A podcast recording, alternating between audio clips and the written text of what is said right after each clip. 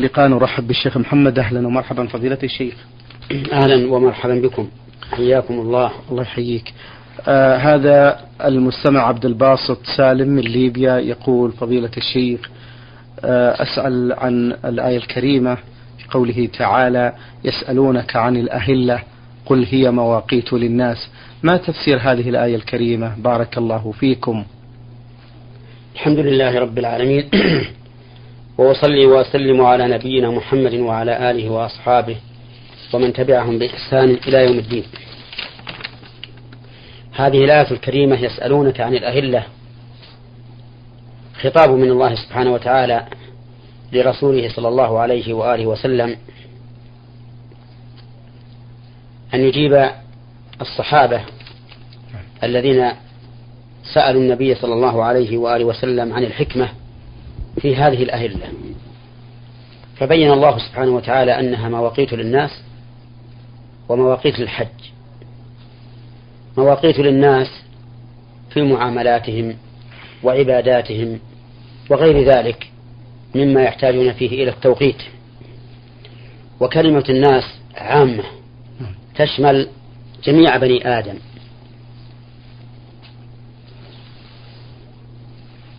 فتحديد الشهور الذي وضعه الله تعالى لعباده إنما هو بالأهلة.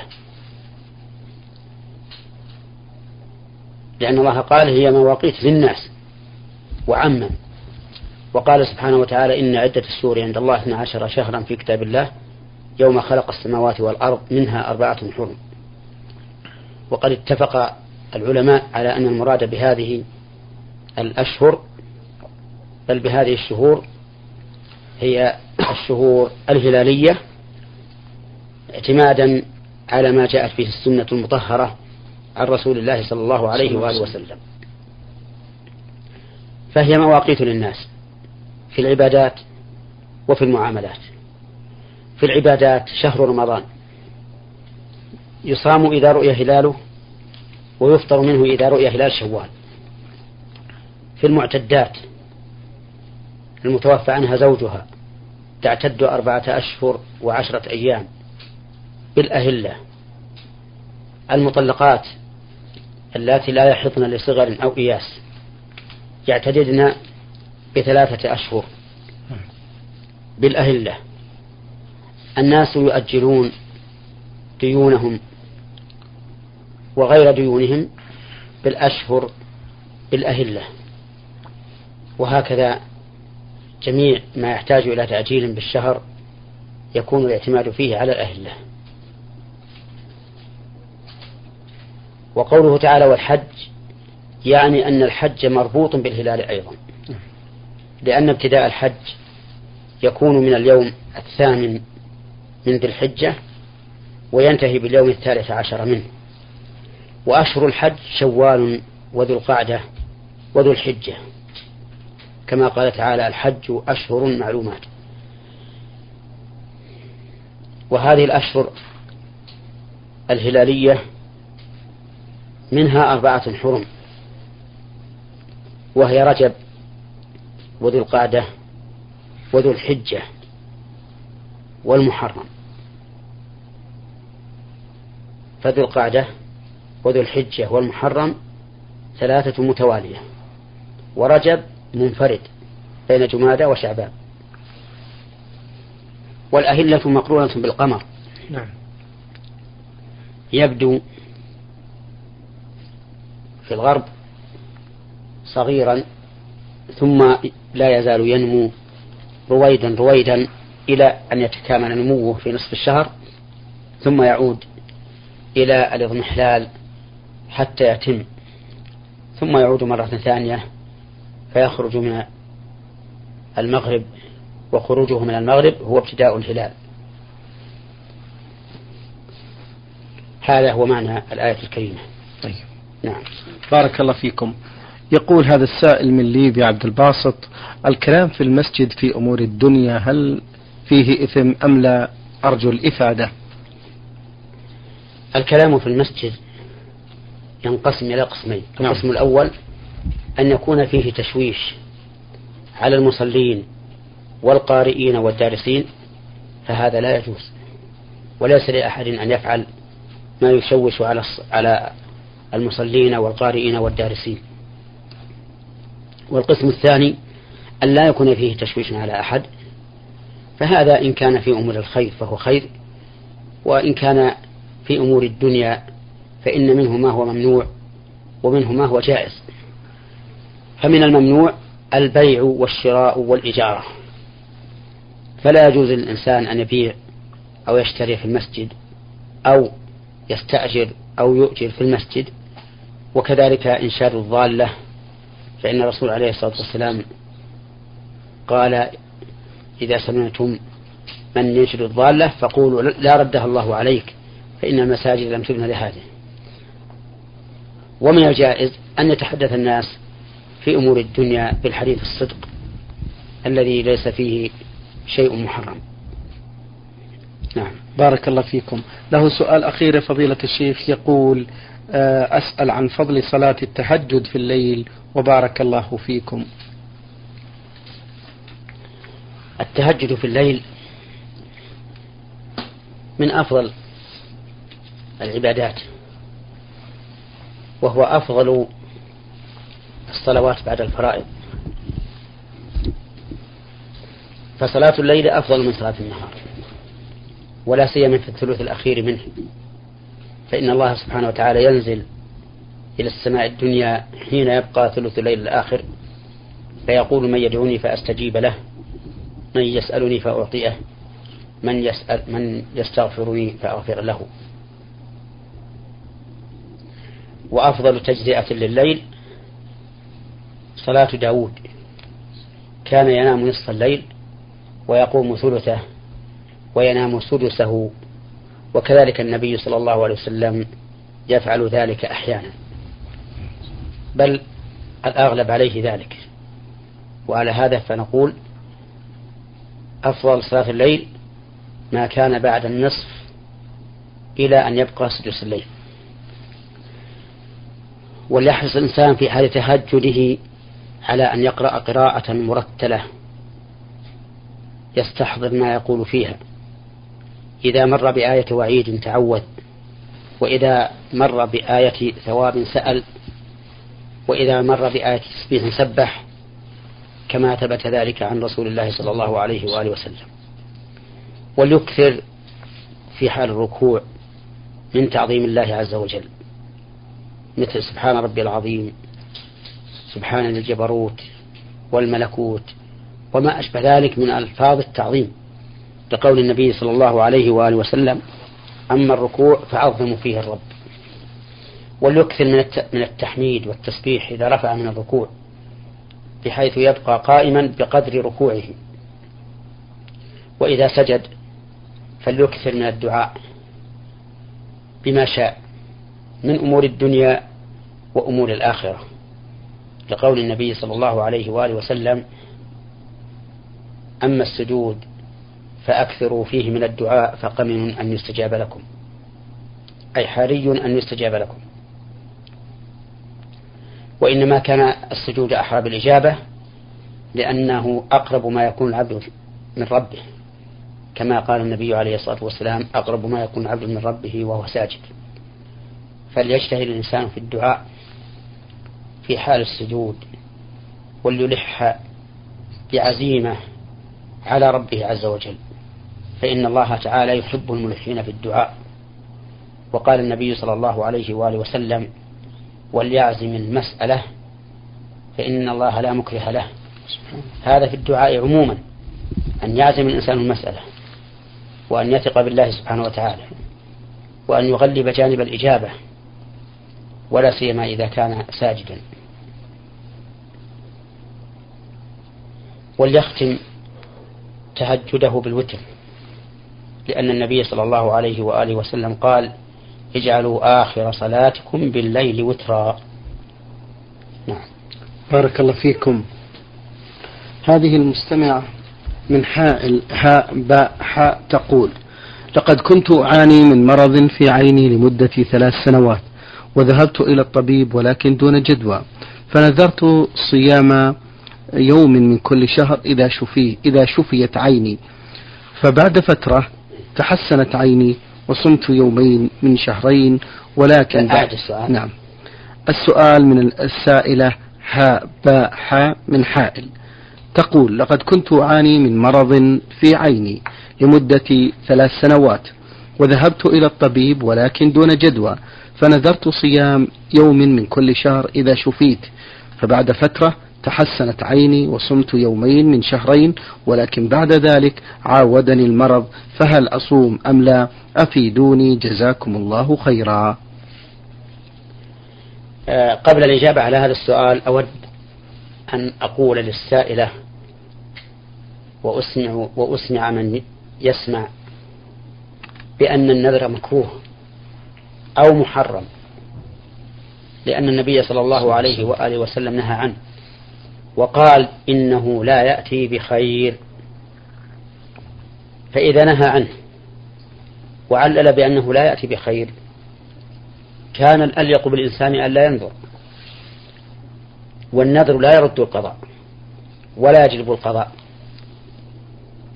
النذر ليس فيه إلا الوقوع فيما نهى الله عنه فيما نهى عنه رسول الله صلى الله عليه وآله وسلم والوقوع في الضيق على الإنسان. لأنه يلزم نفسه بما لم يلزمه الله به. وكم من إنسان نذر ثم تأسف وذهب يطرق أبواب العلماء لعله يجد مخلصا مما نذر ولكن لا لا يجد مخلصا. وحينئذ يبقى بين أن ينفذ ما نذر على وجه المشقة ولو المشقة النفسية أو أن يدع ما نذر وإذا ترك ما نذر فإنه على خطر عظيم من العقوبة التي قال الله تعالى في المخلفين لوعده. ومنهم من عاهد الله لئن آتانا من فضله لنصدقن ولنكونن من الصالحين. فلما آتاهم من فضله بخلوا به وتولوا وهم معرضون. فأعقبهم نفاقا في قلوبهم إلى يوم يلقونه بما أخلفوا الله ما وعدوه وبما كانوا يكتبون فالنذر خطير. وعاقبته قد تكون سيئة. بل هي سيئة إذا لم يوف به العبد. فنصيحتي لهذه المرأة ولمن سمع من إخواننا المسلمين أن لا يوقعوا أنفسهم في هذه الورطة فيلزموها بما لم يلزمهم الله عز وجل ويوقعوها فيما نهى عنه الرسول صلى الله عليه وسلم.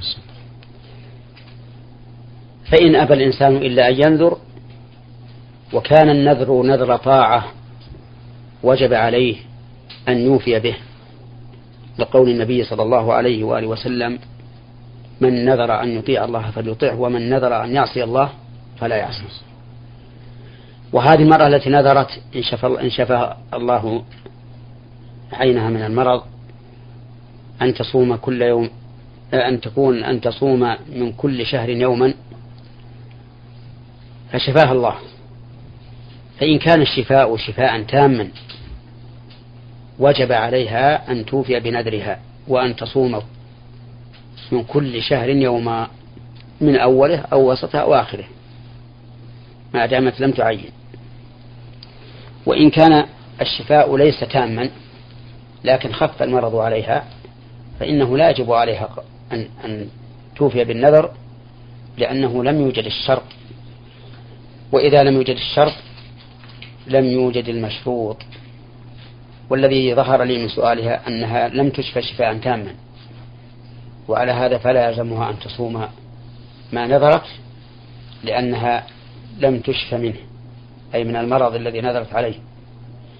إلا إذا كان من نيتها حين النذر أنه إن شفاها الله ولو شفاء غير تام فحينئذ يلزمها أن تصوم من كل شهر يوما. حتى وإن عاد عليها المرض فإنها توفي بنذرها ولعل وفاءها بنذرها يكون سببا لشفائها بإذن الله. نعم. بارك الله فيكم. تقول السائلة من حائل حاء باحة يوجد آه، عندنا امرأة في الأربعين وقد كبرت هذه المرأة وعندما كبرت علمت بأن أباها لم يعق لها فذبحت لنفسها عقيقة. فهل هذا جائز فضيلة الشيخ؟ آه، يرى بعض أهل العلم أن الإنسان يجوز له أن يعق عن نفسه إذا كان أبوه لم يعق عنه ويرى آخرون أن العقيقة مختصة بالأب فهو المسؤول عنها أولا وآخرا. فإن عق فله الأجر وإن لم يعق فقد فاته الأجر. نعم. بارك الله فيكم. هذا السائل الذي رمز لاسمه بميم ميم المدينة المنورة يقول فضيلة الشيخ أسأل عن إقامة الحفلات عند ختم القرآن أو عند المناسبات السارة كالنجاح والقدوم من السفر. هل يعتبر هذا من الإسراف؟ أرجو التفصيل في هذا. جزاكم الله خيرا. إقامة الحفلات عند قدوم الغائب أو عند النجاح أو ما أشبه ذلك لا بأس به ولا حرج فيه لأن الناس يفعلون هذا لا بقصد العبادة ولم يطرأ على بالهم أنهم يفعلون هذا تقربا إلى الله ولكنهم يفرحون يفعلون ذلك فرحا وسرورا بما أنعم الله به عليهم من حصول مطلوبهم. ولا بأس به ولا بأس بهذه الحفلات لكن الذي يخشى منه أن يسرف في هذه الحفلات إما بكثرة الطعام الذي يزيد على الحاجة كثيرا وإما بكثرة المدعوين بحيث يدعى المئات من الناس من أجل هذا الاحتفال. وإلا فالأصل أن الاحتفال بهذه المناسبات أي بمناسبة الفرح لا تعبدا لله أو تقربا إليه وإنما إظهارا للفرح والسرور لا بأس لا بأس به والله أعلم. نعم. بارك الله فيكم. آه السائلة تقول من المدينة المنورة هل يجوز للمرأة أن تتكلم أثناء خطبة الجمعة أم أن الحكم خاص بمن تجب عليه الجمعة؟ التكلم على خطبة الجمعة حرام. نعم. لمن جاء إلى المسجد يستمع هذه الخطبة. أما من كان في بيته وليس من أهل وجوب الصلاة فإنه لا بأس أن يتكلم. وكذلك لو كان الرجل قاصدا مسجدا يريد أن يصلي فيه وسمع وهو في مروره إلى إلى مسجده الذي أراد سمع خطيبا يخطب يوم الجمعة فلا حرج عليه أن يتكلم حينئذ لأنه لا يريد الاستماع إلى خطبة هذا المسجد. المرأة في بيتها لا حرج عليها أن تتحدث وأن تتكلم والإمام يخطب. أما إذا حضرت إلى المسجد وأرادت أن تصلي مع الناس فإنه لا يحل لها أن تتكلم في حال الخطبة لأنها, لأنها صار لها حكم الحاضرين في هذا المسجد. نعم. المستمع عثمان سوداني عبد الحفيظ يقول ما حكم تخضيب الرجال بالحنة في مناسبة الزواج؟ أرجو بهذا إفادة. يحرم على الرجل أن يختضب بالحنة في مناسبة الزواج. أو غير مناسبة الزواج. وذلك لأن الخضاب بالحنة من خصائص النساء.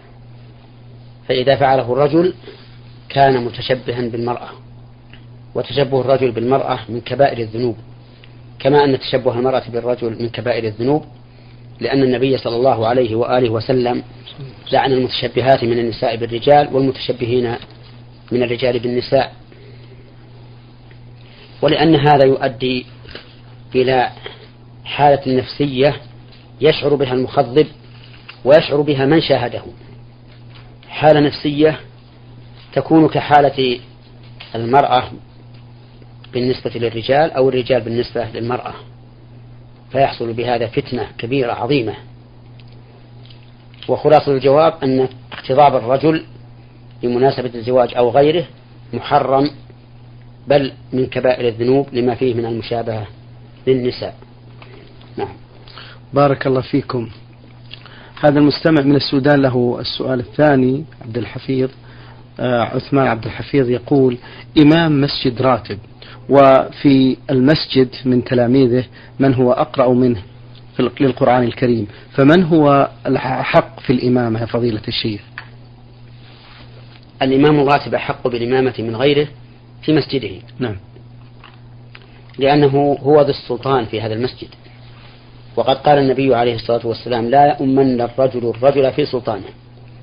قال ذلك بعد أن قال يؤم القوم أقرأهم من كتاب الله فإن كانوا في القراءة سواء فأعلمهم بالسنة فإن كانوا في السنة سواء فأقرب فأقدمهم هجرة فإن كانوا في الهجرة سواء فأقدمهم سلما أو سنا قال ولا يؤمن الرجل الرجل في سلطانه ولو كان أقرأ منه. والإمام الراتب في مسجده ذو سلطان فلا يتقدم عليه أحد. بل قال بعض العلماء لو تقدم أحد فصلى في المسجد بدون إذن الإمام الراتب أو عذره فإن الصلاة لا تصح لأن النبي صلى الله عليه وآله وسلم نهى عن ذلك.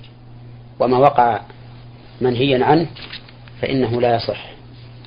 وعلى كل حال فإنه لا يجوز للإنسان أن يتقدم على الإمام الراتب ما دام الإمام الراتب يقيم ما يجب في الإمامة. ولو كان غيره أقرأ منه أو أفقه منه. أما ابتداء لو اجتمعوا ناس وأراد أن وأراد وأرادوا أن يصلوا جماعة ففي هذا الحال يقدمون أقرأهم لكتاب الله كما جاء في الحديث. نعم. وكذلك لو أردنا أن أن أن ننصب إماما في هذا المسجد ابتداء وتقدم أناس للإمامة في هذا المسجد فإننا نختار أقرأهم لكتاب الله وأتقاهم لله. نعم. بارك الله فيكم. المستمع ناصر ألف عين ألف. يقول رجل تزوج من امرأة كتابية وله منها بنات وبنين. سؤالي هل يجوز تغسيل والصلاة على الأطفال إن ماتوا وهم على النصرانية؟